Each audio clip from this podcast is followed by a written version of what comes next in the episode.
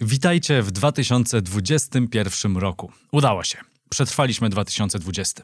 Nowy rok to oczywiście nowe wyzwania, więc w tym odcinku Zielonego Podcastu porozmawiamy o prognozach dla Polski, Europy, Ameryki, Chin, czyli dla świata. Będzie dużo pytań o 2021 rok, ale zaczniemy od małego podsumowania wydarzeń w roku już całe szczęście minionym. A mówię my, bo razem ze mną dziś Justyna Piszczatowska, redaktorka naczelna greennews.pl i Patryk Strzałkowski, dziennikarz Gazety.pl, autor Zielonych Piątkowych Poranków Gazety i autor Zielonego Newslettera. Obserwujcie stronę facebook.com kośnik Zielony Podcast i mój profil na Instagramie, polecam. Tam okazja do zadania pytań kolejnemu gościowi albo gościni. To zaczynamy. Krzysiek Grzyman, zapraszam.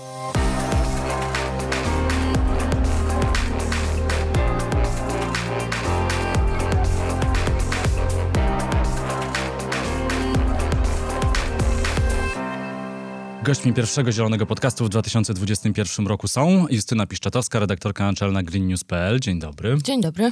I Patryk Strzałkowski, dziennikarz Gazeta.pl, autor Zielonych Piątkowych Poranków e, na portalu Gazety.pl i autor Zielonego Newslettera. Dzień dobry. Dzień dobry. Mamy prawdziwe zielone kombo dzisiaj w studiu.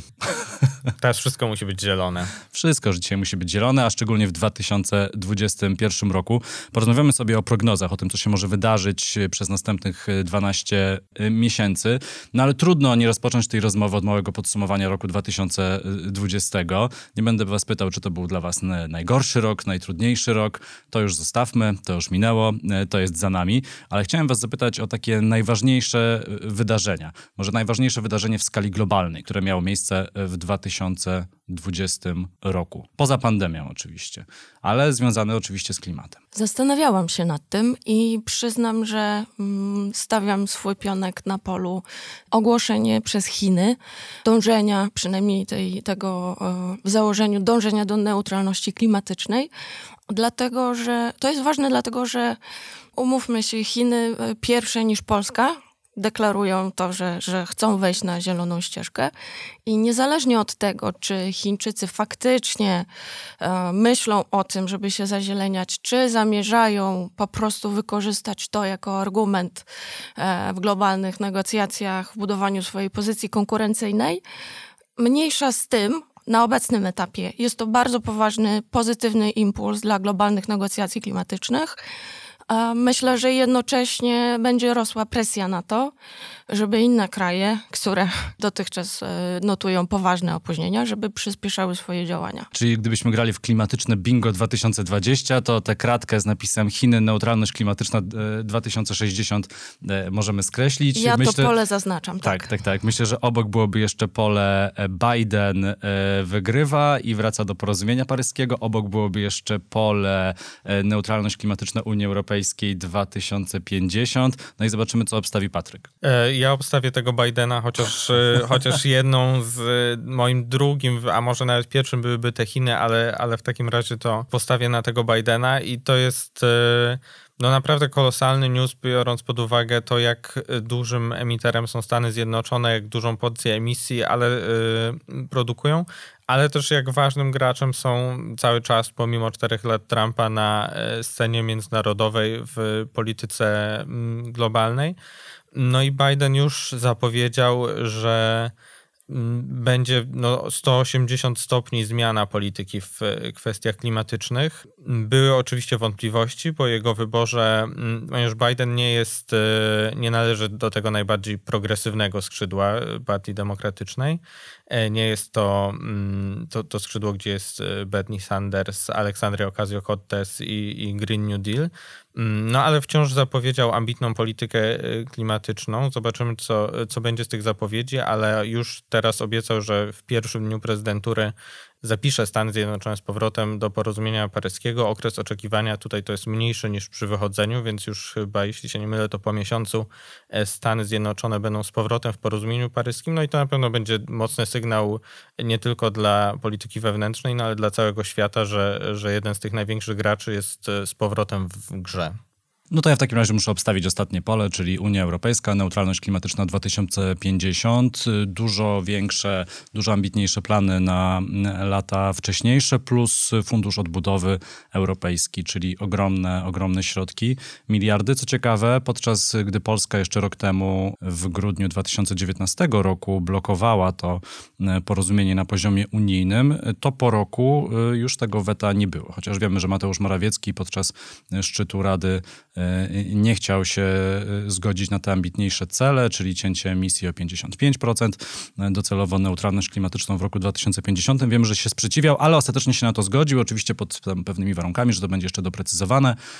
Polska też dostanie, no nie oszukujmy się, ogromne środki na transformację energetyczną, więc wydaje mi się, że to wydarzenie jest ogromne, a gdyby miał dodać jeszcze jakąś liczbę do tego podsumowania globalnego 2020, to to był spadek emisji o 7%, bo tak to jest prognozowane za cały 2020 rok, że globalne emisje z powodu pandemii, oczywiście to nie jakieś nasze szczególne działania, y, więc kontekst tego jest bardzo smutny i trudny dla bardzo wielu osób, bo wiadomo, że pandemia nas zwykle najbardziej uderza w tych, którzy najmniej zarabiają, więc ich to najbardziej dotknęło i boli, no ale pozytywny efekt dla planety jest taki, że emisje spadły o 7%, chociaż i tak rok był, zdaje się, najgorętszy, tak? 2020 w historii pomiarów. Tak, jesteśmy na dobrej drodze do tego, na dobrej, na złej drodze, no ale tak się mówi, e, do tego, żeby ustanowić kolejny rekord temperatur, jeżeli chodzi o średnią. W Polsce dotychczas 250 dni e, było powyżej e, średniej z ostatnich dekad, więc Polska coraz mocniej to odczuwa. I jednocześnie chciałabym zaznaczyć, żeby tak nie było, że już tu zielono i super,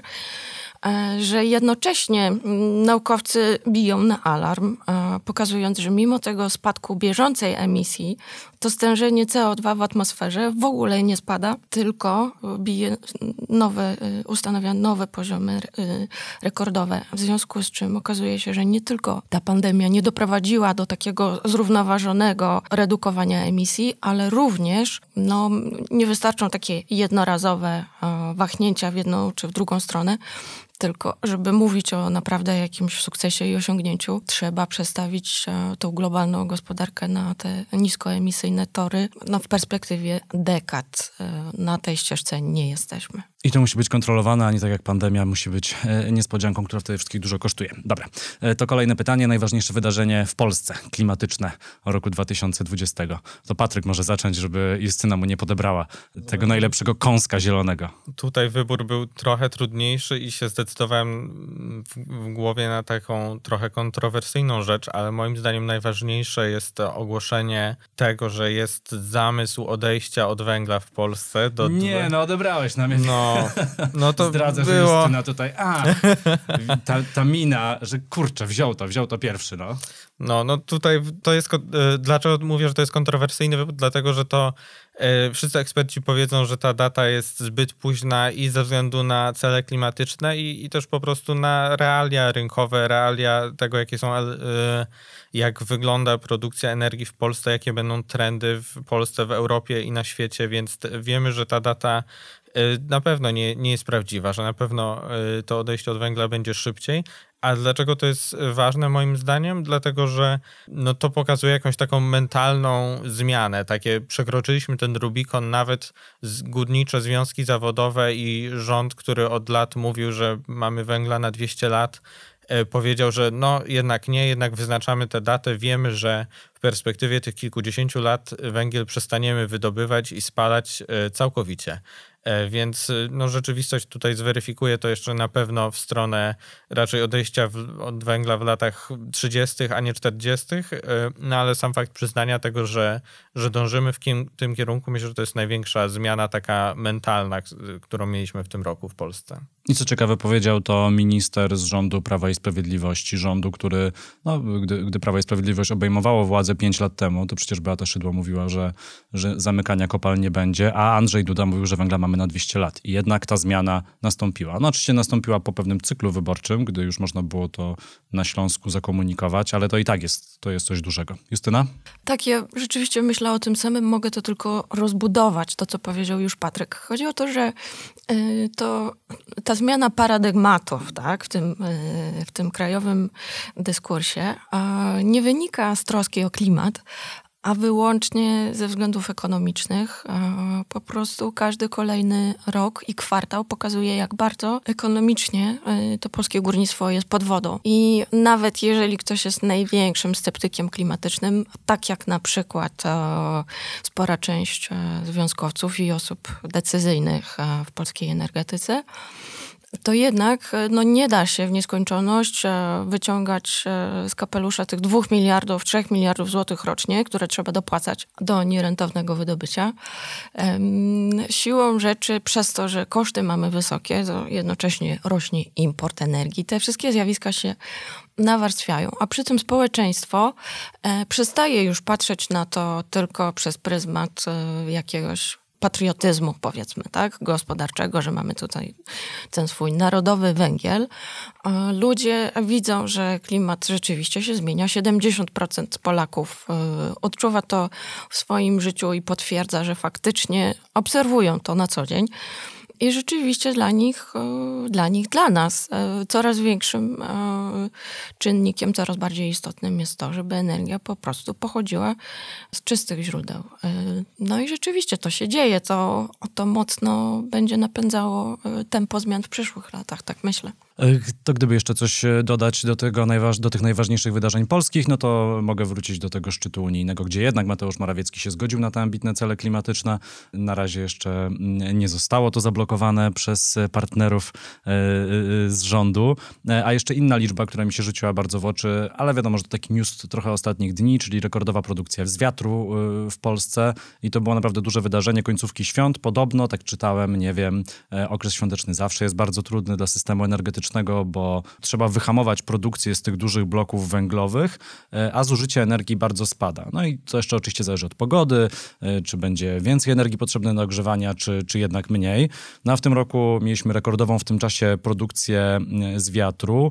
5,7 e, gigawatów dostarczyły farmy wiatrowe 27 grudnia, a doliczając do tego jeszcze wodę i energię słoneczną, to zdaje się, że wyszło ponad 7 gigawatów, w czasie gdy produkcja z węgla kamiennego i brunatnego to było 8 gigawatów. To się prawie zrównało w tym momencie. I to jest szokujące i moim zdaniem to też pokazuje, jak możemy osiągnąć te nasze zielone cele w energetyce, to znaczy z jednej strony zwiększać produkcję z odnawialnych źródeł, a z drugiej strony zmniejszać zużycie energii elektrycznej. Na tym też ta cała transformacja polega, że jednak musimy szukać tych dużych oszczędności. Lecimy dalej. Kolejne pytanie. Moi drodzy, czy jest jakiś zielony startup, jakaś firma polska, zagraniczna, która albo powstała, albo tak się rozwinęła w 2020 roku, że zrobiło to na was ogromne wrażenie, że zrobiliście wow? Justyna. Dla mnie mm, bardzo interesującym projektem y, jest to, co rozwija startup WUM we współpracy z Gdynią, z miastem Gdynia. WUM sam sobie nie jest projektem nowym, natomiast to było chyba w grudniu. Startup i miasto podpisały porozumienie o współpracy, na mocy której będą rozwijały inteligentny transport. Po, powstanie aplikacja, która pozwoli planować sobie podróż, w której złączony będzie zarówno transport publiczny, jak i dostępne publicznie na przykład rowery, hulajnogi. Tam jest SKMK, trolejbusy, autobusy. Wydaje mi się, że to, to jest naprawdę bardzo dobry, bardzo dobry start do tego, żeby rozwijać w Polsce tą inteligentną mobilność i patrzeć na cały transport w miastach jako właśnie taki zintegrowany system. Fajnie, że Gdynia, e, która jest miastem, no powiedzmy takim progresywnym, tam jest sporo takich zielonych inicjatyw. Fajnie, że to się e, tam dzieje. Mam nadzieję, że uda się wdrożyć ten system, będzie efektywny, i będzie przykładem dla innych miast w Polsce. A zdaje się, że WUM już wcześniej e, istniał, prawda, jako aplikacja? Tak jest. Bo ja chyba miałem nawet WUMa zainstalowanego, oni byli albo chcieli przynajmniej być takim integratorem dla carsharingów, że możesz w jednej aplikacji sprawdzić, gdzie są dostępne samochody i z Panka, i z Trafikaru, i z InnoGo. Tak Nie wiem, jest. czy tam wszystkie te platformy ostatecznie były wpięte, ale taki był pomysł. Bo to jest zresztą duża zaleta przy carsharingu, że w sumie dla ciebie nie ma różnicy, którym pojedziesz, tak? Ważne, żeby ten samochód był w miarę blisko i można było szybko do niego podskoczyć, wsiąść i pojechać. Więc tak, to, to, tak. To, natomiast to założenie. Zaczyna, zaczyna wyglądać na to, że sam car sharing no jednak, się, e, jednak się u nas e, nie sprawdza. Najlepszym dowodem na to jest, jest przykład InnoGo, o którym coraz częściej się mówi, że szuka, e, szuka nabywcy nie jest... Naprawdę? Tak. A. Zamknięto również w 2020 roku, zapadła decyzja o tym, żeby, e, żeby zlikwidować taki projekt carsharingowy Wozilla. Tak, to z Wrocławia. Rzeczywiście okazuje się, że y, na etapie założeń to są bardzo fajne, y, bardzo fajne projekty, natomiast w Polsce to się nie przyjmuje na tak dużą skalę, jaka byłaby potrzebna do tego, żeby, e, żeby potem e, projekt spinał się biznesowo. No to może będzie dużo BMW i 3 elektrycznych na sprzedaż od Innogy Go.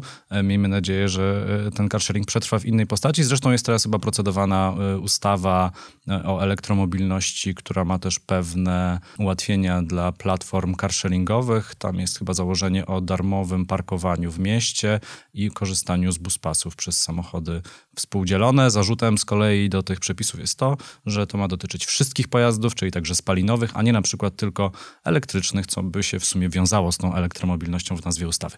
Patryk, czy jest jakiś startup, firma polska lub zagraniczna, coś, co zrobiło na tobie duże wrażenie? Takim e, sukcesem który, e, z tego roku, ale też wyznacznikiem trendów jest e, polska marka roślinny kurczak, która chyba powstała jeszcze w zeszłym roku, no ale w tym, w tym roku się bardziej rozwinęła. Otworzyli sklep internetowy jeśli dobrze pamiętam, to w dobę wyprzedali pierwszy swój zapas e, te, tego produktu, czyli roślinnego zamiennika mięsa, który strukturą przypomina kurczaka. W smaku, no tam są, są różne smaki w panietce i tak dalej, no ale to jest, zdobywa popularność. E, te, te zapasy się wyprzedają, trzeba po prostu patrzeć, śledzić w newsletterze, e, kiedy będzie nowy rzut tego, więc widać, że są konsumenci, którzy chcą, chcą tego, chcą tej roślinnej diety, e, która jest lepsza też dla klimatu i środowiska, a to jest też wyznacznik, bo jeżeli spojrzy, jest więcej i takich mniejszych marek, i też te najwię, najwięksi producenci, e, nawet nie tylko stricte jakichś roślinnych produktów, ale też producenci mięsa, E, mocno idą w te roślinne zamienniki. W sklepie e, koło mnie jest już cała półka sojowych parówek, roślinnych wędlin i tak dalej. Tak, kabanosy, jest y, kilka y, roślinnych majonezów, y, więc myślę, że i, i ten kurczak, i te, te, inne marki, większe i mniejsze, to jest, to jest pozytywny trend, biorąc pod uwagę to, jak roślinna dieta jest lepsza dla, dla środowiska i dla klimatu. E, no i też dla biznesu polskiego, bo dobrze, że te roślinne zamienniki mięsa to są nie tylko hamburgery z Kalifornii, tylko właśnie też takie projekty opracowywane i robione od początku do końca w Polsce. Myślę, że i, i u nas na rynku E, i też pewnie w, w innych krajach e, mogą odnieść sukces. No tak, bo gdy mówimy o, o tym, że to jest dobre i dla naszej diety, i dla planety, to jednak włożenie e, wegańskiego kotleta ze Stanów Zjednoczonych w plastikowym opakowaniu, to ślad klimatyczny też tej podróży, no trochę to się wydaje bez sensu. Ale jak zacząłeś, Patryk, mówić, że polska marka, pomyślałem, że powiesz o polskim samochodzie elektrycznym Izera. ja cały czas nie mogę wyjść z podziwu, ale to się naprawdę dzieje. Ja tutaj ostatnio, nie tak dawno temu śmieszkowałem z tego samochodu, ale ta fabryka naprawdę wydaje się, że może powstać. Oglądałem sobie wczoraj, bo mi wyskoczył na YouTubie taki filmik, nie wiem, czy znacie taką markę mm, brytyjską, Arrival. Oni zaczynają produkować autobusy i wany dla kurierów. No i zobaczyłem filmik o tym, jak to powstaje, jaka jest idea, e, z jakich materiałów będą robione te pojazdy, e, jaka jest e, koncepcja produkcji, że to mają być takie mikrofabryki w odróżnieniu od Tesli, która robi gigafabryki. I tak sobie pomyślałem, wow, no jest tam jakaś wizja w tym wszystkim. I wybrali produkt, który rzeczywiście może się przyjąć na rynku, a jak widzę tę Izerę, to myślę sobie, no kurczę, coś tam chyba poszło nie tak. No ale może to dlatego, że to państwowe pieniądze wpompowane w projekt, w który w sumie chyba nie ma wizjonera. Justyna robi duże oczy, więc szybko zmienię temat. E, nie, mogę dodać tylko, że mówisz bardzo dobrze. Problem tego, że rozwijają to państwowe firmy, to nawet nie są firmy. Chodzi o to, że polskie państwowe firmy e, najpierw zostały namaszczone do tego, żeby, żeby ten projekt wspierać. Okazuje się, że energetyka y, w ogóle nie chce mieć z tym projektem zbyt wiele wspólnego. I w związku z tym no, mamy projekt, rzeczywiście on na papierze dosyć daleko już zaszedł, ale przypomnę, że nadal nie mamy inwestora. I podobnie jak w Ostrołęce, ja już wcześniej tego, tego porównania użyłam e, w internecie. Nie wierzę w projekty, które są jakby komunikacyjnie nakręcane, natomiast nie mają dopiętego finansowania. Jeżeli to nie jest projekt biznesowy, to on nie pójdzie do przodu ale rzeczywiście są pozytywne sygnały takie, że być może ten inwestor się znajdzie. Z tym, że będzie to prawdopodobnie inwestor zagraniczny. To będzie bardzo ciekawe.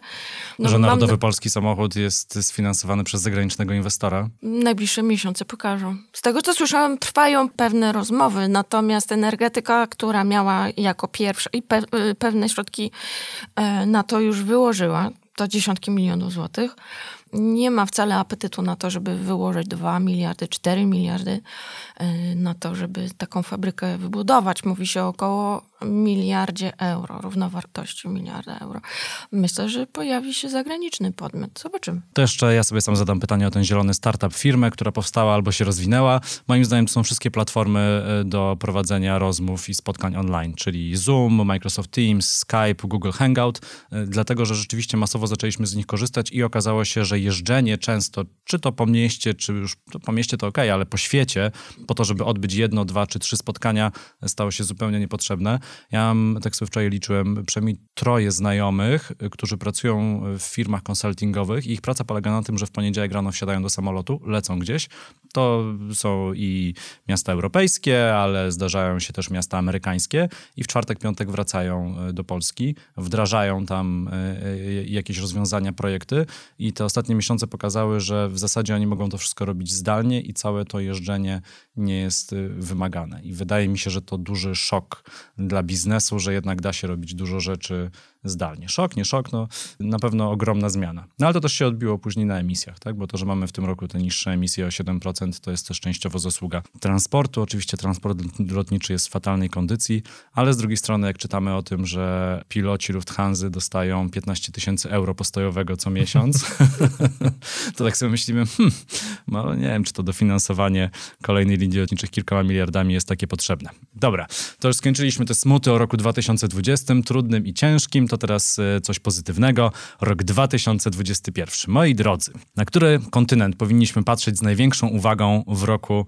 2021? A może na który kraj powinniśmy patrzeć z największą uwagą, jeśli chodzi o e, politykę klimatyczną i to, co się będzie działo e, na tej zielonej agendzie? Patryk albo Justyna. Kto pierwszy? To może ja zacznę, bo Kto pierwszy, wiem, ten zgarnia lepszą odpowiedź. Dokładnie, bo tu odpowiedź jest tylko jedna, więc zgarniam ją jako pierwsza. Oczywiście to jest e, kontynent Ameryka Północna, kraj Stany Zjednoczone. E, Joe Biden... Um, zapowiedział już, zresztą to, to, nie jest niespodzianka, te obecne jego deklaracje były już postulatami w jego kampanii wyborczej, więc pamiętajmy o tym, to nie są nowości, mimo tego, e, że wzbudzają ogromny entuzjazm.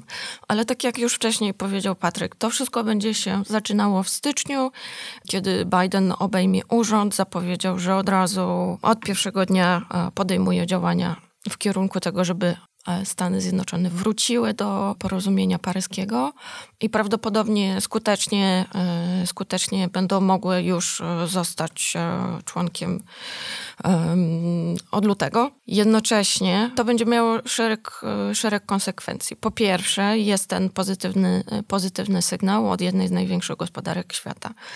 Dwa, prawdopodobnie Stany Zjednoczone położą na stole nowy cel redukcji emisji. Biden już powiedział, że chciałby neutralnego emisyjnie transportu do 2035 roku. Więc oprócz tego, co dzieje się już teraz w sferze wymierania węgla, tak bym to powiedziała, Stanach Zjednoczonych, który jest wypychany przez gaz, a wkrótce będzie wypychany e, przez odnawialne źródła energii. Może rzeczywiście stać się tak, że Stany Zjednoczone e, staną się nie tylko w sferze deklaratywnej, ale również e, w sferze takiej inwestycyjnej tym, tym światowym liderem transformacji energetycznej. Zresztą z takiego już globalnego punktu widzenia zaczynam coraz bardziej myśleć o tym, że faktycznie redukcja emisji i przechodzenie do tej gospodarki zeroemisyjnej będzie e, coraz większym czynnikiem e, budowania no, tych e, przewag konkurencyjnych na globalnej mapie życia gospodarczego. I mamy te trzy siły: Stany Zjednoczone, Unia Europejska i Chiny. I te potyczki między nimi w sprawie handlu tak, międzynarodowego.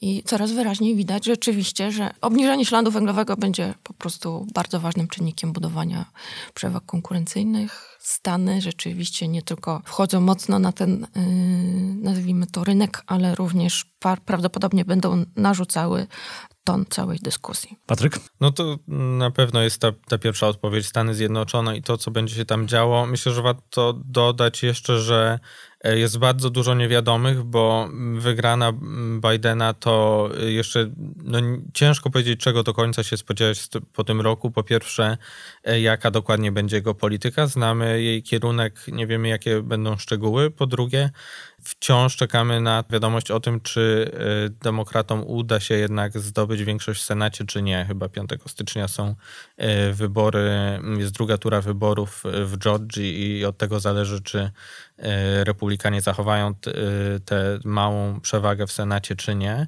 E, no i bez Senatu Bidenowi będzie trudno przeprowadzić niektóre projekty. Będzie oczywiście wiele można zrobić w drodze rozporządzeń, ale niektóre z tych bardziej ambitnych projektów mogą, e, być może będą musiały czekać na, na zmianę tej większości. No a poza Stanami Zjednoczonymi, no to tymi kolejnymi ważnymi punktami na pewno jest Azja, Chiny, o których wspominaliśmy. E, jest ta deklaracja neutralności węglowej do 2060 roku i zobaczymy, jak ona będzie się teraz przekładać na tę politykę. W przyszłym roku zaczyna się nowy e, plan pięcioletni w Chinach. Zobaczymy, jak on będzie realizowany w kwestiach energetyki i klimatu. Kolejnym dużym znakiem zapytania, miejscem do obserwowania są Indie, które są, jeżeli Chiny zadeklarowały już neutralność węglową, Stany możemy spodziewać się, że to zrobią y, za kadencji Bidena.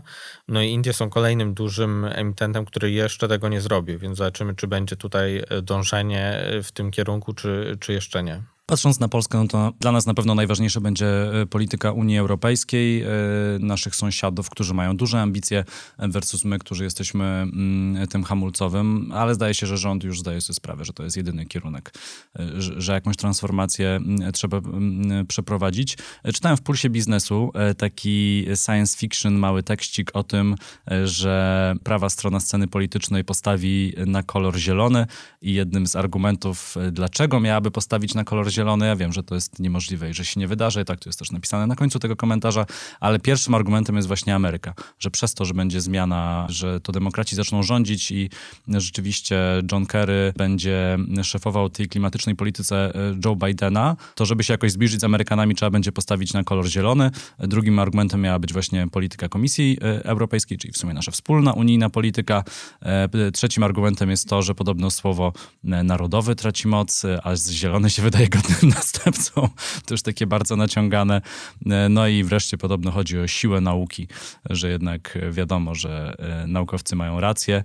No taki artykuł można sobie znaleźć na stronie Pulsu Biznesu i przeczytać, że to będzie dla Polski najważniejszy e, kolor. Dobra. Wydaje mi się, że w tym, e, w tym political fiction znaczące jest to, że te główne argumenty dla tej tak zwanej zielonej prawicy jest nie chęć, ale to, że tak zrobią Amerykanie, że to wymusi Oczywiście. Unia Europejska ja myślę, że nawet w takim political fiction to jest mówiące o, o tych realiach, że to nie, nie do końca są jakieś tutaj wewnętrzne, wielkie potrzeby czy przekonanie o pilności tych spraw, a właśnie to, że po prostu taka jest sytuacja i, i nie ma już innej drogi. Trzeba się dostosować, jeżeli się samemu nie chce przodować w tym. To prawda, ale tutaj do tego scenariusza można by jeszcze spokojnie dopisać kwestie finansowe, kwestie rynków finansowych, które nie chcą finansować już e, czarnych inwestycji, e, wielkich pieniędzy z Unii Europejskiej, które jednak będą musiały być przeznaczone na tego typu projekty, no to będzie miało ogromne znaczenie. E, kolejne pytanie w naszym wróżeniu z fusów. Stany Zjednoczone czy Unia Europejska? Kto wyda albo zadeklaruje więcej pieniędzy na walkę ze zmianami klimatu? Patryk. Mm, myślę, że. Częściowo to już może nawet wiadomo, bo można spojrzeć tam do deklaracji Joe tak, no, Bidena. No, nie wiem, mi ciężko jest mi przewidzieć, y, jak do końca będzie, właśnie dlatego, że mamy dużo nie no, Ze strony Unii Europejskiej już mniej więcej wiemy, jak to wygląda. Mamy y, budżet na, na 7 lat i fundusz odbudowy i odporności, y, 750 miliardów euro, z czego 30% czy więcej? 30, 30 minimum na, 30. Minimum 30 na kwestie związane e, z klimatem, więc ile to dokładnie będzie po stronie Stanów Zjednoczonych, no zobaczymy właśnie, będzie to zależeć od tego, jaki budżet uda się uchwalić, e, czy jakie budżety kolejne, roczne, bo tu przecież nie mówimy o siedmioletnich jak w przypadku Unii, tylko o zwykłych rocznych budżetach krajowych, jak to będzie się udawało uchwalać w e, kongresie. Na pewno te, te komunikaty te, czy te deklaracje ze Stanów Zjednoczonych będą przy, przyciągać więcej uwagi, bo z Unii Europejskiej już mamy jasną sytuację i to na najbliższe lata. Oczywiście będzie też wiesz, zależeć od konkretnych krajów, co, co, co zrobią Niemcy, co zrobią niektóre inne kraje, ale no, pewnie ta sytuacja w Stanach będzie przyciągać więcej uwagi i bardziej nadawać ton temu, co się dzieje na świecie w tym roku. Pani redaktor? Pełna zgoda. Trudno jest jednoznacznie dzisiaj powiedzieć, e, kto wyłoży więcej, e, ale tak czy inaczej jest to bardzo ciekawa rzecz. Zwrócę uwagę na to, że im wyższe te deklaracje e, w zakresie inwestycji, tym większy popyt na technologie czyste i paradoksalnie może dojść do sytuacji, w której producenci turbin wiatrowych, paneli fotowoltaicznych przestaną obniżać ceny i konkurencja między nimi e, spowolni. I myślę, że rzeczywiście, jeżeli faktycznie Unia Europejska przypieczętuje, czy znaczy w sumie to jest już przypieczętowane, tak, ale zaczynają się ustawiać kolejki u dostawców technologii, e, no i rynek e, rzeczywiście będzie zmieniał kierunek, staniemy się globalnym rynkiem dostawcy. To nie do końca sprzyja, e, nie do końca e, sprzyja tej transformacji i oczywiście e, moce produkcyjne będą musiały wzrosnąć. W każdym razie przejdziemy, a dzięki temu wszystkiemu przejdziemy do zupełnie nowego etapu, do realizacji, a nie tylko, a nie tylko składania kolejnych zapowiedzi. Tak, no to jest trudne pytanie, które zadałem. Sam miałem problem, żeby znaleźć na nie odpowiedź, bo patrzyłem na te liczby i te deklaracje amerykańskie były ogromne. Tam się zdaje 2 biliony dolarów gdzieś e, obijały o uszy, bilion 800 miliardów. Z kolei w Europie te środki są podzielone. Część jest na zielone inwestycje, część jest po prostu na odbudowę e, gospodarki. No jakby nie było, e, te obydwa kontynenty będą inwestowały bardzo dużo. Zresztą Chiny, wspomniane tutaj wcześniej, też ogromne środki na e, zielone e, inwestycje. No wydaje się, że w Stanach to demokraci muszą się trochę przypodobać tym wszystkim biznesom, czy to z Doliny Krzemowej, czy w ogóle biznesowi, bo polityka Trumpa jakaby nie była, jakby nie była odbierana na zewnątrz, to jednak on tę amerykańską gospodarkę i produkcję mocno promował, więc demokraci pewnie też muszą gdzieś tam w swoich obietnicach go dogonić. Czy szczyt klimatyczny, który się nie odbył w tym roku, COP26, który miał mieć miejsce w Glasgow, odbędzie się w przyszłym roku na jesieni? Czy się nie odbędzie? To jest bardzo dobre pytanie, na tyle dobre, że ja nie jestem w stanie jednoznacznie y, zaprognozować. Chodzi o to, że, że jest rzeczywiście, tak jak powiedziałeś, koronawirus pokazał, że ludzie są w stanie naprawdę bardzo wiele rzeczy zrobić, nie spotykając się w jednym miejscu. Dla mnie już we wcześniejszych latach, no pewnym takim paradoksem było to, że zobaczcie, szczyt klimatyczny to jest około 25 tysięcy osób, które muszą dotrzeć w jedno miejsce z całego świata. Te delegacje e, z blisko 200 krajów muszą tam dolecieć. E, w związku z czym jeszcze jest cały proces klimatyczny, który poprzedza szczyt, tak? Bo to też nie jest, nie jest przecież tak, że e, wszyscy przyjeżdżają i dla kogokolwiek jest niespodzianką, jakie będą, jakie będą tematy. To już wszystko jest od, od dłuższego czasu przygotowywane.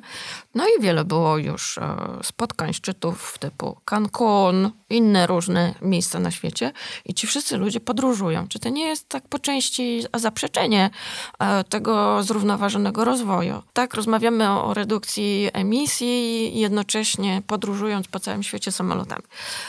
A więc to jest to. Z drugiej strony, patrząc jednak, faktycznie to, że wszyscy negocjatorzy i delegacje międzynarodowe spotykają się w jednym miejscu, nadaje temu szczytowi zupełnie inny wymiar i zdaje sobie sprawę z tego, że właśnie ta interakcja międzyludzka jednak jest e, w formie online jest jednak mocno ograniczona. Pewne rzeczy, pewna dramaturgia, która po prostu na tych szczytach się rozgrywa, no jednak online nie będzie mogła zaistnieć. Tak było na przykład w Kopie w Katowicach. Sprawy przedłużały się na ostatniej prostej, już wszyscy byli gotowi. Okazało się, że Turcja nagle ma jakieś swoje postulaty, na które nikomu w ogóle nie jest na rękę. W każdym razie tak negocjują, negocjują szereg dni, dopiero na koniec okazuje się i rzeczywiście ważne jest to, że ktoś bierze ich na bok, ciągnie kogoś za rękaw, mówi słuchaj, nie, tak, jakby ta cała dyskusja, która odbywa się na miejscu, no i to jest cała kwintesencja potem tego szczytu klimatycznego. W związku z czym ja sama nie wiem, czy lepiej jest, e, że e, on odbył się, czy lepiej byłoby, gdyby on się odbył w formie zdalnej, e, czy w formie takiej, no, Stacjonarnej. personal, tak. Natomiast jest sposób na to, żeby ten szczyt przeprowadzić. Wystarczy, że wszyscy delegaci przyjadą tam z zaświadczeniami o tym, że się przeszczepili. No i wtedy nie ma żadnego problemu, przynajmniej teoretycznie. Ale to naprawdę jeszcze cały rok i myślę, że ten 2020 nauczył nas już tego, że prognozować z wyprzedzeniem 12 miesięcy dzisiaj to jest co najmniej no, nierozsądne, a przynajmniej, jak to się mówi e, w ekonomii, obciążone poważnymi czynnikami ryzyka. Więc bardzo chętnie porozmawiam e, z wami tutaj za rok i podsumuję, co się wydarzyło, ale prognozowanie, takie przewidywanie, to, to, to nie wiem, nie wiem po prostu. No to, to jest trudne, bo Joe Biden jeszcze nie, nie został tym prezydentem Stanów Zjednoczonych, więc nie wiadomo, co się wydarzy jeszcze w ciągu tych trzech tygodni. Patryk, co z tym szczytem w Glasgow? Bo ryzyko przewidywań jest wysokie, ale ja bym zaryzykował i, i powiedziałbym, że moim zdaniem się odbędzie.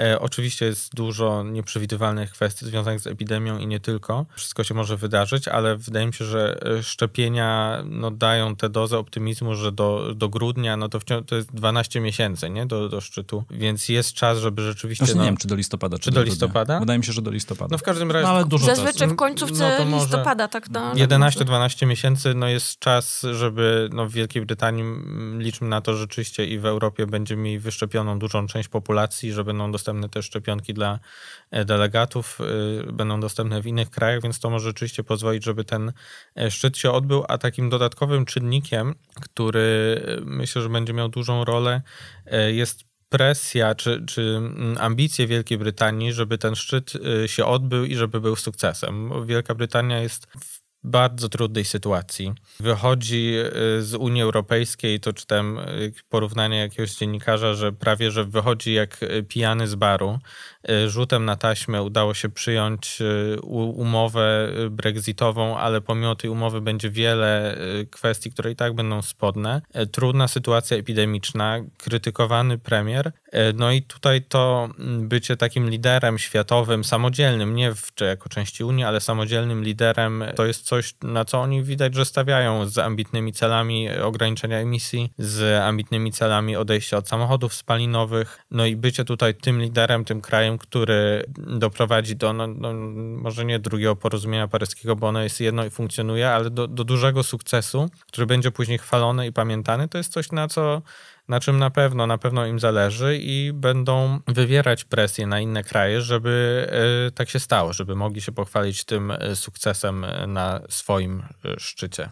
Ja tak pytam o ten szczyt, dlatego że tak jak mówiliśmy, 2020 rok obfitował w różne deklaracje klimatyczne, więc wydaje się, że ten szczyt w Glasgow będzie w pewnym sensie podsumowywał, no i pozwoli też wywrzeć presję może mm, na inne kraje, żeby ta polityka klimatyczna w wymiarze globalnym e, poszła dalej. Ale wracając do kraju nad Wisłą, czyli do Polski, e, czy wydaje wam się, e, że doczekamy się polskiego planu dojścia do neutralności klimatycznej, bo my na razie jako kraj takiej neutralności klimatycznej w żadnym oficjalnym dokumencie nie zadeklarowaliśmy, bo to, że to jest przyjęte na poziomie unijnym, to de facto Polski e, bezpośrednio do niczego nie zobowiązuje, bo to oznacza tylko, że cała Unia Europejska jako wspólnota ma osiągnąć neutralność klimatyczną, a neutralność klimatyczna oznacza, że nawet jeżeli jeden by emitował dużo, a drugi by dużo pochłaniał, no to per saldo mamy neutralność, bo e, łącznie sumując to nie emitujemy. To czy wam się wydaje, że możemy się spodziewać czegoś od ministra klimatu, czy od naszego premiera, jakiejś takiej jasnej deklaracji, czy to będzie zbyt polityczny, czy to jest zbyt polityczny temat i po prostu do takiej deklaracji dojść nie może, bo to by powodowało kolejną wielką walkę na prawicy. Patryk. Rozdzieliłbym tylko tutaj deklarację od planu, bo e, planu absolutnie bym się nie spodziewał. To znaczy takiego, który e, w, no, w jakiś nawet e, na jakimś wysokim poziomie ogólności pokaże, jak moglibyśmy dojść do tej neutralności klimatycznej. Oczywiście są jakieś tam zewnętrzne opracowania organizacji pozarządowych, firm, które powiedzmy pokazują takie ścieżki rządowego planu, bym się nie spodziewał. Deklaracji no myślę, że czas najwyższy, choć oczywiście, że jest to wielka niewiadoma, są pewne, ciężko powiedzieć, ale wydaje mi się, że to jest naprawdę po prostu już jedyny logiczna konsekwencja tego, co, y, co już tych decyzji, które już podjęto. Mamy tę neutralność na poziomie unijnym, co więcej, mamy unijny cel obniżenia emisji o, o 55% do 2030 roku, e, co jest tak naprawdę jeszcze pilniejsze i ważniejsze pod pewnymi względami, bo mm, to pokazuje, że nie ma innej ścieżki, i udawanie, że mm, no nie, nie, widzę tutaj korzyści specjalnych e, w udawaniu, że nie dążymy do tej neutralności klimatycznej. Z punktu widzenia politycznego, no to oczywiście ciężko powiedzieć, co tutaj partia rządząca uzna, że jej się e, politycznie opłaca, czy nie. Być może uzna, że jest to bezpieczne. Teraz jeszcze wciąż dużo czasu do wyborów. Być może przyszły rok to będzie jakiś większy optymizm w społeczeństwie w związku z, dzięki szczepionce i i odbudowie gospodarki, choć oczywiście może niekoniecznie. No też trzeba pamiętać o tym, że brak tej deklaracji naraża nas na straty, bo wciąż y, Fundusz y, Sprawiedliwej Transformacji, czyli te pieniądze, które mają pomóc regionom y, w Pols- uzależnionym gospodarczo czy, czy zależnym gospodarczo od węgla, E, jest powiązany z tym celem i brak takiej deklaracji oznacza 50% mniej pieniędzy. No to są ogromne straty też, też właśnie dla tych regionów, więc to, to im właśnie, to, to Śląsk, to Wschodnia Wielkopolska, to im najbardziej powinno zależeć na tej deklaracji, bo od tego zależy, czy dostaną połowę pieniędzy, na które mogą liczyć z Unii Europejskiej. Justyna? Ja powiedziałabym nawet bardziej kategorycznie. Nie, nie spodziewam się y, takiej y, deklaracji. Rzeczywiście jest tak, że Polska akceptuje fakt już dzisiaj w, w wymiarze formalnym, akceptuje fakt, że Unia Europejska dąży do neutralności klimatycznej, natomiast rząd Polski uznał, że nie jest w stanie się y, zobowiązać, że Polska również do, y, do tego celu w 2050 roku dojdzie.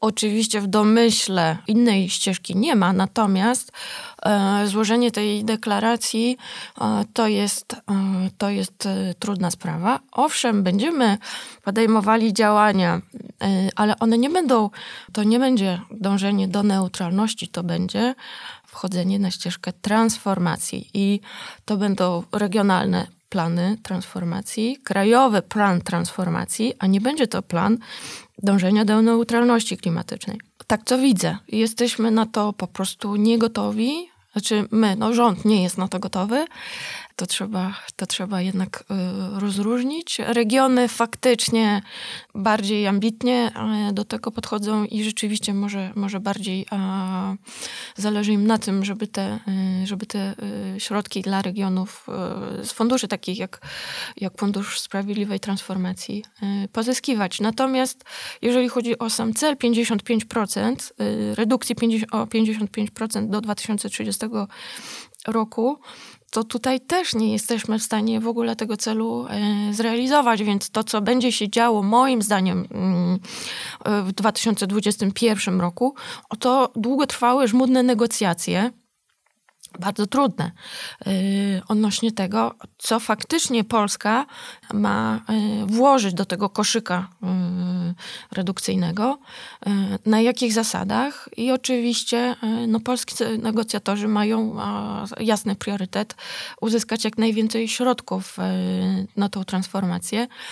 No i to będą takie, takie punkty, na których będziemy się w Polsce, myślę, Y, skupiać, a sama neutralność jeszcze nie. Chociaż bardzo chciałbym wierzyć w tę zieloną prognozę pulsu biznesu, e, że jednak prawica postawi na kolor zielony, to też mi się wydaje, że to jeszcze nie jest e, ten moment. Tym bardziej, że ta utrata części funduszy, o której mówiłeś, Patryk, e, ona jednak dotyczy bardziej regionów. A jednak nasz rząd jest teraz tak nastawiony, że to, co się dzieje w regionach, to się dzieje w regionach, a to, co się dzieje z budżetem centralnym, no to tylko nad tym panujemy. Więc tym bardziej nie będzie takiej mobilizacji, żeby do jakiegoś przełomu miało dojść, chociaż on się na pewno zbliża. Pytanie tylko, jak dużymi krokami. No chyba, że rząd będzie potrzebował mieć jakikolwiek sukces. No a to zawsze można sprzedać jako sukces, że opracowaliśmy plan, który pozwala E, dojść do neutralności klimatycznej. Wszyscy sądzili, że nam się nie uda, jednak nam się udało. E, no zobaczymy. Na razie to nie wygląda e, zbyt kolorowo, a przynajmniej nie w zielonych barwach. No, może, to może być narodowa neutralność klimatyczna i wtedy jakoś to pchnie sprawy do przodu. Zapomniałem, że wystarczy tylko dobrze to nazwać. No właśnie podobno nie narodowa, tylko zielona, że ten narodowy wychodzi z mody według Pulsu Biznesu. Koniec wspominania tej, tej, tej gazety. To teraz pytanie a propos atomu w Polsce, bo rozmawiając o miksie energetycznym, to pytanie chyba się będzie pojawiało najczęściej. Wiemy, że odnawialne źródła energii od nich nie ma odwrotu, one będą rosły, no ale bardzo często pojawia się to pytanie, a co ma być w bazie polskiego miksu energetycznego? E, o atomie się mówi w Polsce od dziesięcioleci. W tym roku e, zobaczymy, ile się będzie mówiło, bo w 2020 e, no, ten temat powrócił kilkukrotnie. Z jednej strony były rozmowy z Amerykanami nad wyborem technologii. E, z drugiej strony jeden z polskich inwestorów e, się zainteresował e, takimi małymi modułowymi reaktorami SMR-ami, więc ten temat się pojawiał tu i tam. Czy wam się wydaje, że w tym roku ten temat jakoś w Polsce zamkniemy? Że albo jednoznacznie powiemy, że atomu nie będzie, rezygnujemy z tego projektu, on jest nieopłacalny, dzisiaj za drogi, jest już na niego za późno i skupmy się na magazynowaniu energii i na dobrych sieciach przesyłowych? Czy wręcz przeciwnie, zapadnie decyzja, okej, okay, róbmy to. Czy ewentualnie trzeci scenariusz, y, najpopularniejszy w Polsce, zacznijmy ładować w to pieniądze, a zdecydujemy później. Jeśli mogę zacząć pierwsze, to chciałabym powiedzieć, że moja odpowiedź brzmi nie. Nie rozstrzygniemy w 2021 roku tego e, dylematu. Problem polega na tym, Zobacz, 2020 rzeczywiście e, przyniósł wiele, wiele dyskusji, wiele politycznych deklaracji, natomiast zero twardych zobowiązań. I cały czas, w momencie, kiedy Trump jeszcze liczył na to, że wygra wybory, e, Polska bardzo mocno stawiała na ten e, sojusz polsko-amerykański. W momencie, kiedy się okazało, że wybory e, w Stanach Zjednoczonych poszły w innym kierunku. Pojawia się e, na horyzoncie Francja, która mówi, że również bardzo chętnie by e, z Polską w tym obszarze współpracowała. No i my mrugamy okiem jako kraj, że rzeczywiście z Francuzami też moglibyśmy jak najbardziej ale faktycznie zero, zero realnego posunięcia się naprzód tego projektu po stronie polskiej. No i rzeczywiście myślę, że e, im dłużej trwa takie, takie dyskutowanie, analizowanie, e, to e, coraz bardziej przy, przybliżamy się do momentu, w którym jasne będzie, że już tylko małe reaktory modułowe w ogóle są taką realną opcją inwestycyjną, a nie te duże bloki. No i tak to będzie trwało. Rzeczywiście prywatny inwestor e, wyprzedził e, wszystkich e, państwowych kolosów, jeżeli chodzi o posunięcie do przodu. Już, już dzisiaj ma ma porozumienie z Polską Agencją Atomistyki, jeśli nie przekręcam nazwę, ale wydaje mi się, że, że to jest właśnie tak, PAA, a ten polski program jądrowy y, do tego etapu nigdy nie doszedł. ale nadal... Sprawdziłem to mhm. Michał Sołowow. Tak jest. Natomiast bo ja y, chciałabym zwrócić uwagę, że, y, że Syntos, czyli inne spółki pana Sołowowa, mają porozumienie y, z General Electric i GE oczywiście rozwija te małe reaktory modułowe, ale tam też jest daleka do, droga do tego, e, żeby wprowadzić tę technologię na rynek, więc to są, no po prostu też jest to etap listów intencyjnych. Jakby poczekajmy, poczekajmy. Patryk? Chyba nie mam dużo do dodania. Też nie spodziewałbym się, patrząc no, na, na to, jak ta sprawa y, idzie w, o, za obecnych rządów i za poprzednich rządów, y, to cały czas jest y, gonienie króliczka, nie złapanie go, nie ma konkretów i też nie, nie spodziewałbym się, żeby coś się kolosalnie zmieniło. Oczywiście być może, być może jakaś wielka niespodzianka, ale nie spodziewałbym się. No i niestety, bo być może y, w sensie są różne teorie, różne plany y, tego, czy ten atom jest w Polsce koniecznie potrzebny, czy też możemy bez niego, no ale co najważniejsze by było podjęcie jakiejś decyzji, bo właśnie wydawanie y, pieniędzy, czy marnowanie pieniędzy na spółki, które nie wiadomo co robią i które dążą do tej elektrowni, która być może nigdy nie powstanie, mm, no to jest strata pieniędzy i strata czasu. Po prostu trzeba lepsza by była jasna deklaracja i, działania, znaczy nie, nie tylko deklaracja i działania w jedną lub w drugą stronę. E, no ale nie, też e, nie spodziewałbym się, że, że to się pojawi w przyszłym roku. No akurat jestem przeciwnikiem atomu, więc mam nadzieję, że on nie powstanie, ale swoją drogą e, to jest taka prawda trochę o polskim miksie energetycznym, że to, to na koniec roku później zaskakuje tych operatorów sieci przesyłowych, że nagle okazuje się, że mamy już tyle energii z wiatru, że mamy tyle energii z fotowoltaiki, że ten system trzeba na szybko dopasować i odsprzedać na przykład nadwyżkę energii, bo wydaje się, że to na przykład, że mamy dużo fotowoltaiki, to jest taki trochę zamierzony, trochę niezamierzony efekt. Po prostu wprowadzono e, dopłaty do tych paneli, prąd cały czas drożeje, rachunki idą w górę, więc no Polacy racjonalnie zaczęli z tego programu korzystać, tam dosypywano więcej pieniędzy, no i na koniec się okazało, że mamy tego dużo, a to, że mamy tyle energii z wiatru, to jest w ogóle jakiś cud w Polsce, biorąc pod uwagę, jakie przepisy mamy. Więc to, że ta część e, rynku rośnie, no ale jest to jednak dość niezaplanowane wszystko. Można chyba takie wrażenie odnieść. Że nie, no to nie jest niespodzianką, że, że ta energetyka wiatrowa nie wymarła, e, bo mamy pewną pulę około 3 gigawatów projektów, e, jak to się w energetyce mówi, które mogą być e, rozwijane na bazie regulacji, które obowiązywały zanim wprowadzono ustawę tak zwaną antywiatrakową. Więc no, jest ten rynek, który, który rozwija się swoim torem. Rzeczywiście nie ma szans na projekty y, dzisiaj. Ale jako ciekawostka dodam, że coraz więcej polskich, państwowych firm przemysłowych, tych, ci duzi odbiorcy energii, oni bardzo chcieliby, e, żeby nowe farmy wiatrowe w Polsce powstawały. Może to przesądzi w końcu jako czynnik no, narodowy. Po prostu spółki chcą też zielonej energii i jesteśmy. To, to jest pozytywny sygnał, że, że już niezależnie od opcji politycznej, e, może za wyjątkiem tej prawicy takiej skrajnej, która nawet e, w momencie, kiedy prawicowy dziennikarz tłumaczy, że walka ze zmianami klimatu i, i transformacja energetyczna jest konieczna, to nadal nie chcą wierzyć w ogóle jakby w te bazowe założenia. Uważają, że, że fakty nie są faktami, że to jest tylko kwestia do interpretacji. W każdym razie, niezależnie od tych, y, od tych skrajnych y, opcji, powiedzmy, światopoglądowych, mm, no to rynek naprawdę e, chce tej zielonej energetyki i coraz większe oczekiwanie inwestorów wobec państwa, że zapewni warunki. I mm, abstrahując od planów klimatycznych, od transformacji, oni chcą po prostu kupować zieloną energię. I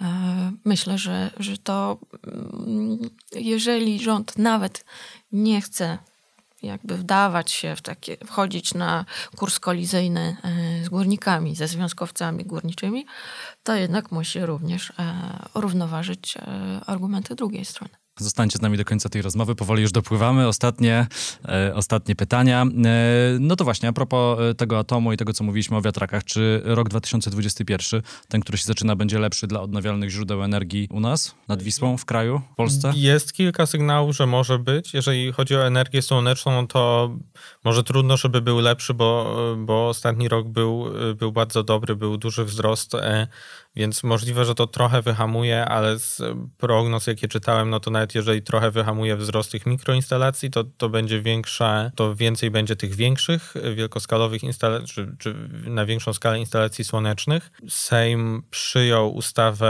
e, offshore'ową, czyli o morskiej energetyce wiatrowej, więc to jest kolejny obszar, który e, może zacząć się na serio rozwijać w przyszłym roku. No i ten trzeci, czyli e, energetyka wiatrowa na lądzie, zobaczymy. Od od dawna są zapowiedzi no co najmniej poluzowania tych ograniczeń, które są obecnie mm, hamują czy, czy przyduszają wzrost energetyki wiatrowej na lądzie. Zobaczymy podobno, w sensie z komunikatów, które czytałem, to jest cały czas projekt, który, który, który ma się pojawić, yy, ale te zapowiedzi były już dużo wcześniej, chyba minister Emilewicz jeszcze, kiedy była ministrem, mówił, zapowiadała to, to się nie stało.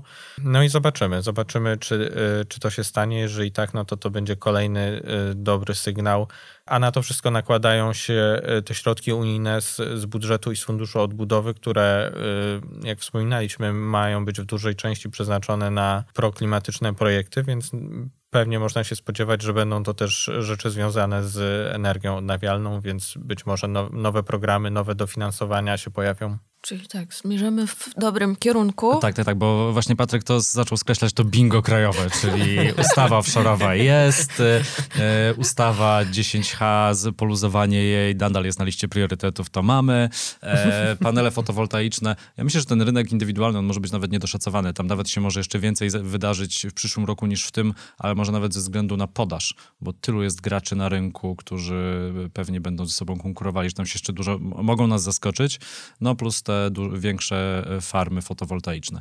Ale Justyna, teraz ty. Czy to będzie dobry rok dla OZE? To będzie dobry rok dla OZE. Oczywiście mimo wszystkich y, ograniczeń, o których powiedział Patryk, y, bardzo słusznie, rzeczywiście również Polacy jakby uczą się tej zielonej energetyki, widzą, że faktycznie krowy jednak znoszą mleko, mimo tego, że w Polsce mamy 6 gigawatów turbin wiatrowych, świat się nie skończył z tego powodu. I faktycznie gminy również e, same apelują o to, żeby inwestycje wiatrakowe od, e, odblokować, ponieważ te podatki do lokalnych budżetów, te wpływy mocno reperowały ich budżety i napędzały e, lokalne inwestycje, na przykład infrastrukturalne. Więc tych, tych argumentów za tym, żeby faktycznie no, przypieczętować dalszy rozwój energetyki wiatrowej w Polsce jest kilka. Natomiast jeżeli chodzi o, o fotowoltaikę, to może ja tutaj e, wprowadzę e, element dramaturgii i tego czarnego łabędzia w stylu nawiązując do, w stylu nawiązującym do pulsu biznesu. Chodzi o to, że... Największa cytowalność pulsu biznesu od lat. Chodzi o to, że nie wiem, czy nie widziałam podobnego, podobnego komentarza w Rzeczpospolitej, ale może mylę, nie, nie, nie, może mylę gazetę. W każdym razie, sytuacja jest taka, taka, że ta domowa fotowoltaika niestety rozwija się w sposób całkowicie chaotyczny. Jest to rynek, um, jest to rynek sprzedawcy. Chodzi o to, że przedstawiciele handlowi um, są wynagradzani od tego, żeby sprzedać jak największe, jak najwięcej projektów o jak największej mocy. W związku z czym ja mam zarówno z rynku od, e, od konkurencji, powiedzmy, e, sygnały, jak i widzę przykłady na fotografiach. Realizacji tak zwanych, realizacja, czyli że y, instaluje się na dachu te y, panele fotowoltaiczne, y, które są po prostu skonstruowane w absurdalny sposób. Drzewa zasłaniają, kominy zasłaniają, na przeciwległych spadach są. To jest źle zrobione. Jakby to, to że to nie jest efekt taki optymalny pod względem efektywności, to jest jedna rzecz. Natomiast jest szereg takich sytuacji, kiedy kable są poprowadzone przewodem kominowym. I myślę, że w końcu dojdzie do tego, że zaczną się pożary, i zaczniemy, dojdziemy do nowego etapu faktycznie dojrzałości tego rynku, czyli nie tylko, że wszyscy instalują i, i, i bijemy brawo i cieszymy się z tego, że faktycznie ta moc przybywa, tylko y, musimy się nauczyć to, to wszystko eksploatować i weryfikować to, czy firmy, y, firmy instalacyjne robią to rzetelnie. Druga sprawa, już jakby wychodząc od etapu domu do bardziej sieci lokalnych, y, sieci niskiego napięcia faktycznie, one one dzisiaj funkcjonują normalnie, tak? I te ryzyka, o których mówili operatorzy systemów dystrybucyjnych jakiś czas temu, że rozwój tej, rozwój mikroinstalacji to absolutnie zagrozi naszemu bezpieczeństwu energetycznemu, mimo, mimo tych zmian, które w systemie energetycznym następują, nic złego się nie dzieje ale myślę, że jesteśmy coraz e, bliżej momentu, w którym, e, w którym coś się w końcu zadzieje, dlatego że jeżeli w, w lokalnej sieci, w danym miejscu mamy kumulację e, tego typu nadachowych, przydomowych instalacji i powiedzmy przyjdzie czerwiec, sierpień, i zaczną one wszystkie pracować z pełną dostępną mocą, może zacząć działać e, automatyka i, i może dojść do lokalnych e, wyłączeń tej fotowoltaiki. I wtedy pojawi się, no to będzie takie urealnienie, tak? Inwestorzy rzeczywiście zobaczą, że nie każda energia i nie w każdym miejscu może być do tego systemu wprowadzona. Jakby nie, nie mówię o tym wszystkim po to, żeby pokazać, że to jest złe, tylko chodzi o to, że musimy urealnić. Potrzebujemy bardzo, bardzo dużych inwestycji w sieć i potrzebujemy takiego zintegrowanego, no, ktoś musi to bardziej na kartce y, rozrysować, dlatego że teraz no, um, operatorzy sieci tych lokalnych już dzisiaj mówią, że oni, oni faktycznie przestają sobie, e, są teraz bliżej momentu, w którym przestają sobie z tym radzić.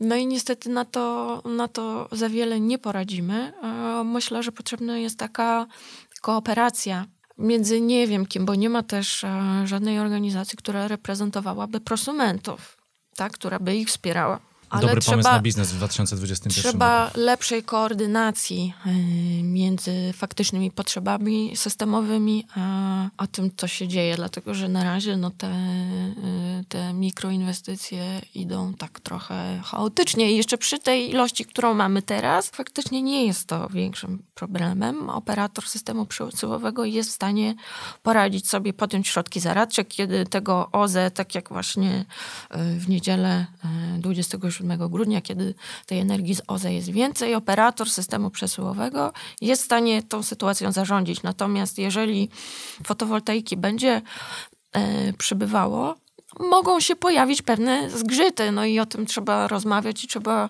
to jakby no, lepiej w tym systemie e, rozsmarowywać i trzeba też mówić o, o nowej architekturze e, tego właśnie całego, całego systemu dostaw. Myślę, że to już jest ten moment. To tak krótko adwocem jest, no możecie dodać do takiej grupy na Facebooku, zresztą ich jest kilka, gdzie e, mówi się dużo o odnawialnych źródłach energii, tam są wrzucane takie foteczki różnych e, instalacji i zawsze znajdzie się ktoś, kto napisze, że tak naprawdę to jest dobrze zrobiona instalacja, nawet jeżeli to jest dwuspadisty dach i panele są i po jednej i po drugiej stronie, albo panele są postawione pionowo, albo panele są zacienione, bo zawsze jakaś sprawność tego panelu jest wykorzystana. Mogę ci tam dodać, zobaczysz, to jest idealne ale, miejsce do kłótni. Ale tak, to, że jest na dwuspadzistym dachu, już wiem, że jeżeli ma optymizery, to nie jest problem. Ale jeżeli jest na wiacie takiej nad śmietnikiem, na tak zwanych hekierkach postawiona instalacja i widać po prostu na pierwszy rzut oka, że przy mocniejszym wietrze, a tych ekstremalnych zjawisk pogodowych też faktycznie u nas przybywa, cała ta wiata może się zawalić, nie wspominając o, o, o tych panelach i naprawdę to się, to się wszystko dzieje. No to jest taka partyzantka w stylu, powiedziałabym, trochę azjatyckim. No jest, jest miejsce, się instaluje, a że kable są poplątane, a to tym będziemy się martwili później. No, ale o tej współpracy to, to jest chyba też taka kwestia typowo polska, że każdy po prostu chce mieć swoje panele y, słoneczne, że nawet jeżeli masz kilku sąsiadów, mieszkacie blisko, moglibyście sobie, brakuje też przepisów, to inna rzecz, ale moglibyście sobie zrobić taką mini spółdzielnię i korzystać nawzajem, no to jednak już jest przyjęte w Polsce, że każdy ma swoje panele, jak oddaje energię do sieci, to traci na tym te 20%, y, no ale wszystko jest u siebie i wszystko jest ok.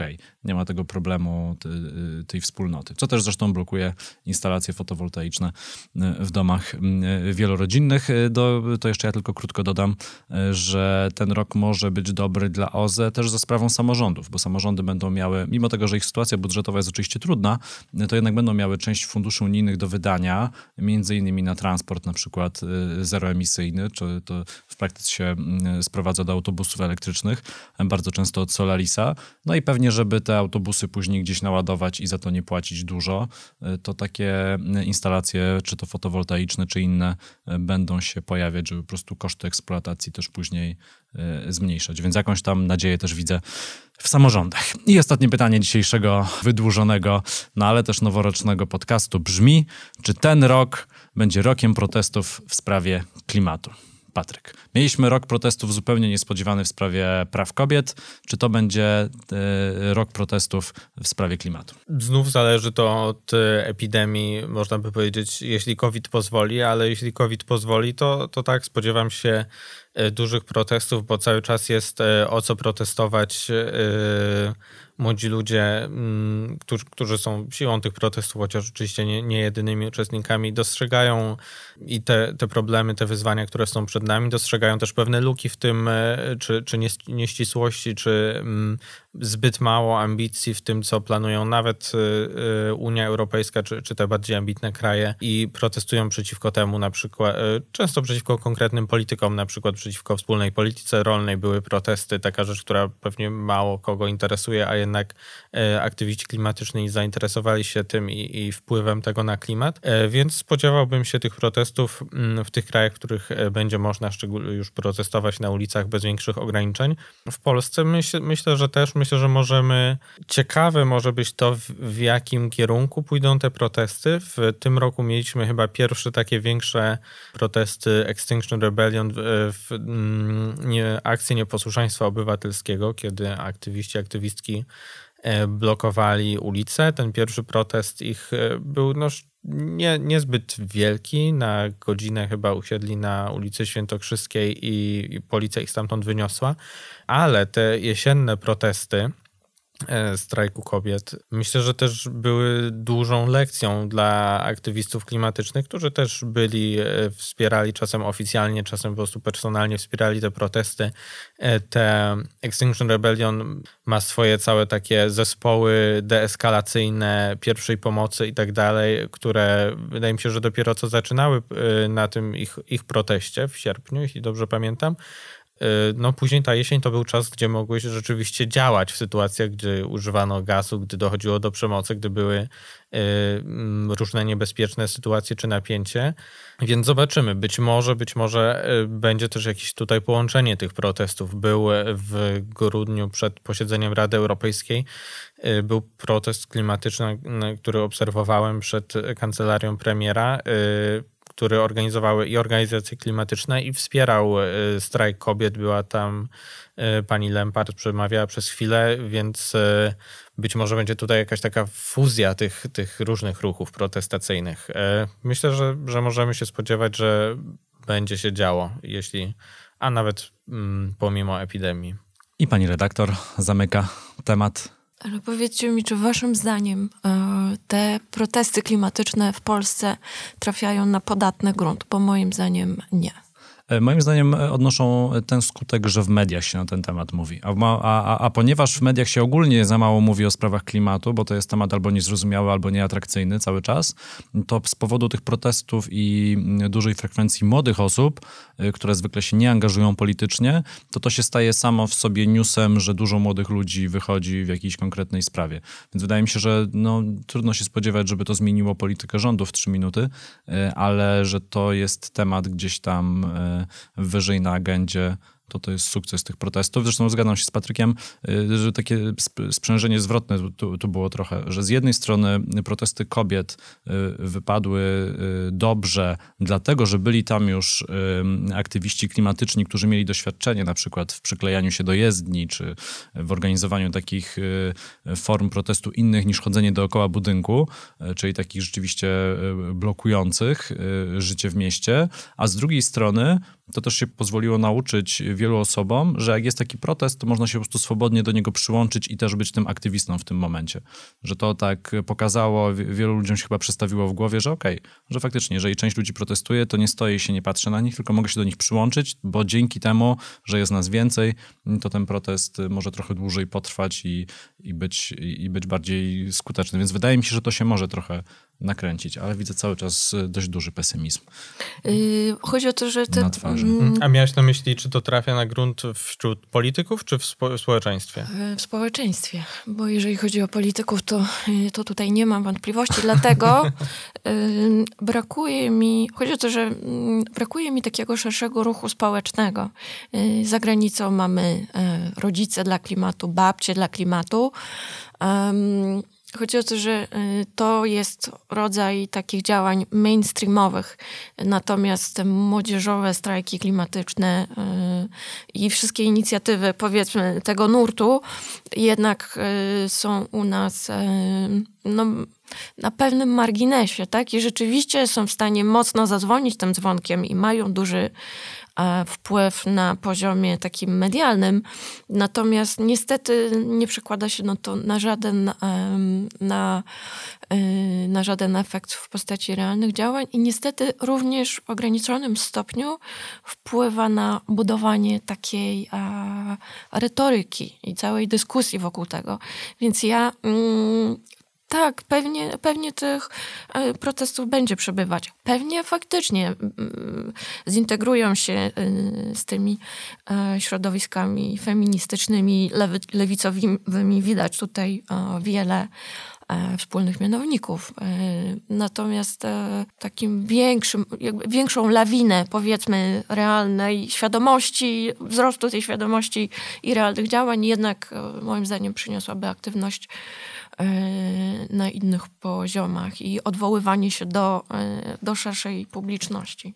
No to jest bardzo ciekawe, e, co mówisz. Jak sobie tak jeszcze myślę o tych protestach klimatycznych i co je odróżnia od innych form tego typu aktywności, to na pewno jest to brak lidera, co oczywiście jest celowe w przypadku organizacji nieformalnych typu Extinction Rebellion, Młodzieżowy Strajk Klimatyczny, że nie ma tej jednej osoby, która stoi zawsze na przedzie, ale jak widzimy w praktyce, czy to politycznej, przykład partii Razem, która nie miała lidera na samym początku, e, czy przykład innych ruchów, e, gdzie też tego lidera na początku nie widać, to dopiero wtedy, gdy pojawia się ten lider, to jakoś medialnie może ta ofensywa też jest większa.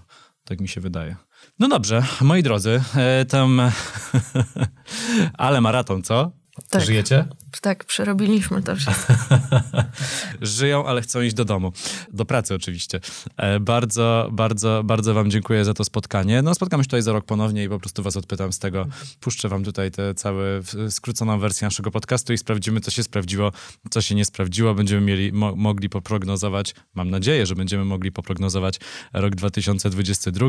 Justyna Piszczatowska, redaktorka naczelna serwisu greennews.pl. Bardzo dziękuję. Dziękuję. I Patryk Strzałkowski, dziennikarz Gazety.pl, autor Zielonych Piątkowych Poranków Gazety.pl i Zielonego Newslettera. Dzięki. Dzięki, dzięki. To było zdecydowanie mocne zielone kombo. to był Zielony Podcast, kolejny odcinek w niedzielę. W wolnym czasie zajrzyjcie na stronę facebook.com kośnik Zielony Podcast i mój profil na Instagramie. Tam okazja do zadania pytań kolejnemu gościowi albo gościni. Krzysiek Grzyman, do usłyszenia.